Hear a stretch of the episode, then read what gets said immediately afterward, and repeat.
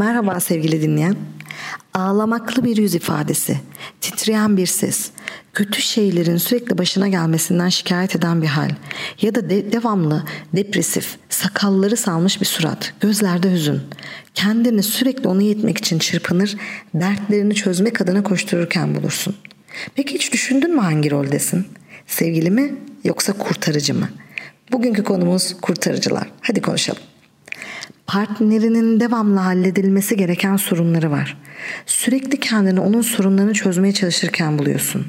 Okul, iş yeri, ailesi ve arkadaş ortamında mağduriyet yaşayan talihsiz biri o. Hayatı acı ve uzun bir hikaye gibi ıstırap dolu. Zerre hali kalmamış haksızlıklarla uğraşmaktan. O aslında tam bir kurban. Kolu, kanadı kırılmış, hayattan korkuyor, yorgun, kırgın, artık çıkacak ve kendini kaldıracak gücü kalmamış. İnisiyatif sorumluluk alamıyor. Çok üzülüyor, onun için bir şeyler yapmaya çalışıp onu mutlu etmek ve çektiği ızdırabı azaltmak için didiniyorsun. O acziyet içindeki zayıf sevdiğin kendisini sana muhtaç hissediyor ve bu seni kahrediyor. İş yerinde sunumlarını baltalıyorlar. En zor görevleri, en fazla nöbetleri, en can sıkıcı işleri ona veriyorlar. Ailede herkes ona karşı çok acımasız. Asla ablası ya da abisi kadar takdir ve onay görmüyor. Sürekli ötelenip aşağılanıyor. Devamlı üzüyorlar, aşağı çekiyorlar onu. Zavallı artık sadece kötü şeyler olmasını bekliyor hayat denen şahsiyetten. Bu konuda yapabileceği bir şey de yok ki garibanın ne yapsın? Zaten herkes emine hemen inanıp sonunda kırılan oluyor. İyi niyetinin kurbanı oluyor. Ve bunca saydığın şey sana hiç tuhaf gelmiyor öyle mi? Karşında kurban rolünde biri var ve sen fark etmediğin bir üçgen içindesin. Dram üçgenini duydun mu hiç? 60'lı yıllarda Karpman tarafından geliştirilen bu üçgende farklı kişiler ama üç temel rolden bahsedilir. Kurban, kurtarıcı ve suçlayıcı. Az önce anlattığım özellikleriyle sevdiceğin tam bir kurban. Sen de onun sorunlarının çözümünde amansızca rol alan süper kahraman olarak kurtarıcısın.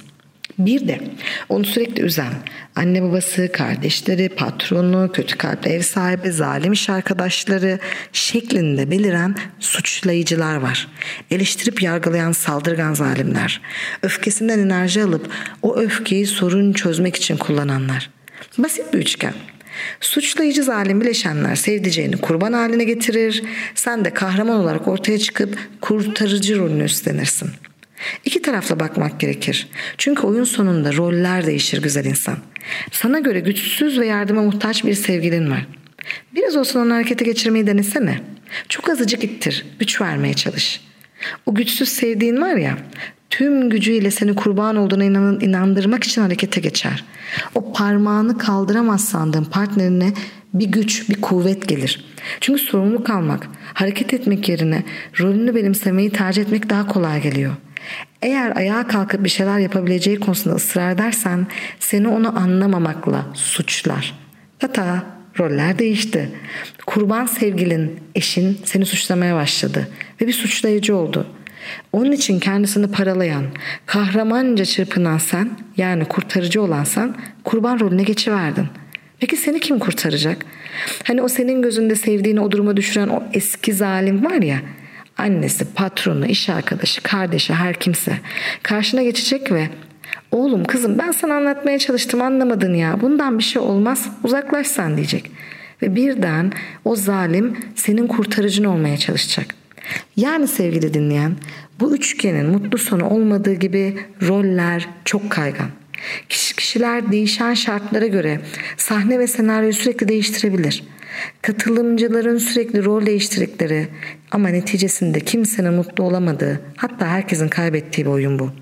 Ailede, işte, okulda, sosyal ortamlarda her yerde bu üçgeni rastlayabilirsin dikkatle baksan. Eğer ilişkilerinde sürekli dağınık insanlar bulup onları düzeltmeye uğraşıyorsan sende de kurtarıcı sendromu olabilir. Bunun nesi kötü diyeceksin belki. Her şeyi. Arama kurtarma ekipleri olağanüstü hallerde ortaya çıkar ve o durumda görevlerini yapar. Sürekli enkaz ilişkilerde göçük altında kalmış insanları kurtarmaya çalışıyorsan bu neden yaptığını sorgulamalısın bence. Çünkü ihtiyaçlar açısından baktığında ilişkiler anahtar kilit gibi. Birbirini tamamlamadıkça bir gelmemiz çok zor. Herkesin hayatında derecesine tutulup gözünü kararttığı bir kişi mutlaka olabilir. Ama hayatındaki her ilişki birini kurtarma üzerine kuruluysa bunun hangi amaca hizmet ettiğini bularak bu bunaltıcı ilişki tarzını çözümleyebilirsin. Genelde kurtarıcılar şöyle olur. Kurban için sürekli endişe duyar. Onun için çok üzülür. Sevdiği kişinin ihtiyaçları söz konusu olduğu an her neredeyse telefon kulübesine girer, pelerinini giyer ve onun yardımına koşar. Tek derdi onu zalimlerin elinden kurtarmaktır. Çünkü sevdiceği yapamaz. Peki amaç kurtarmak mıdır hakikaten? Genelde kocaman bir hayır. Belki de kurtarırken kaçıyorsundur. Onu belalardan uzaklaştırırken sen de kendi çözümsüzlüklerinden uzaklaşıyorsundur. Çünkü kurtarıcı rolü seni kendi sorunlarından uzaklaştırır. Çözemediğin sorunlarına baş başa kaldığında baş edemezsen bir başkasının sorununu çözerek baş etmeye çalışırsın. O sorunlarını çözemezken başarısız hisseden sen pelerini sırtına koyduğun an sevdiceğinin o kalp kalp gözlerinde her şeyi çözen bir başarılıya geçiş yapmış olursun bile. Yani amaç birini kurtarmak değil belki de kendi batıklarını gizlemek. Aslında kimseyi kurtarmıyor. Kendinin arana başkalarının problemlerini koyup mesafe yaratıyorsun. Çünkü başkalarının acılarına odaklanmak kendi çözümünü yaratamama halinden daha kolay geliyor. Sürekli yardım arayan, yardıma ihtiyacı olan insanlar bulup kendini iyi hissedecek kanalı açıyorsun. Böylece kahramanlık pelerini, sorunlu insan sıfatını kapatıyor. Peki bunlar bilinçle yapılacak şeyler mi? Tüketecek bir çabaya girmek, sonunda onca kendini feda ettiğin, kurban sandığın kişinin suçlayıcı, senin kurban haline geldiğini görmek. Tabii ki bilinç dışı süreçler ama fark edilmedikçe sonsuzluğa uzanan bir mutsuzluk oyununda rolleri değişir durursun. Aslında içinde kurtarıcı yaratan bir tip karşısında düzelteceği birinin çıkması için harekete geçebileceği bir alan olması yeterli. Pasif bir düzeltme oyununa girersin anında. Pasif çünkü tek taraf sensin. Karşı taraf aktif olmasını istediğinde seni kurban edecek. Sadece suçlandığın için değil, aynı zamanda senin kahraman olma çabanı gören karşındaki seni kullanabilir. Bu da bir sıkıntı.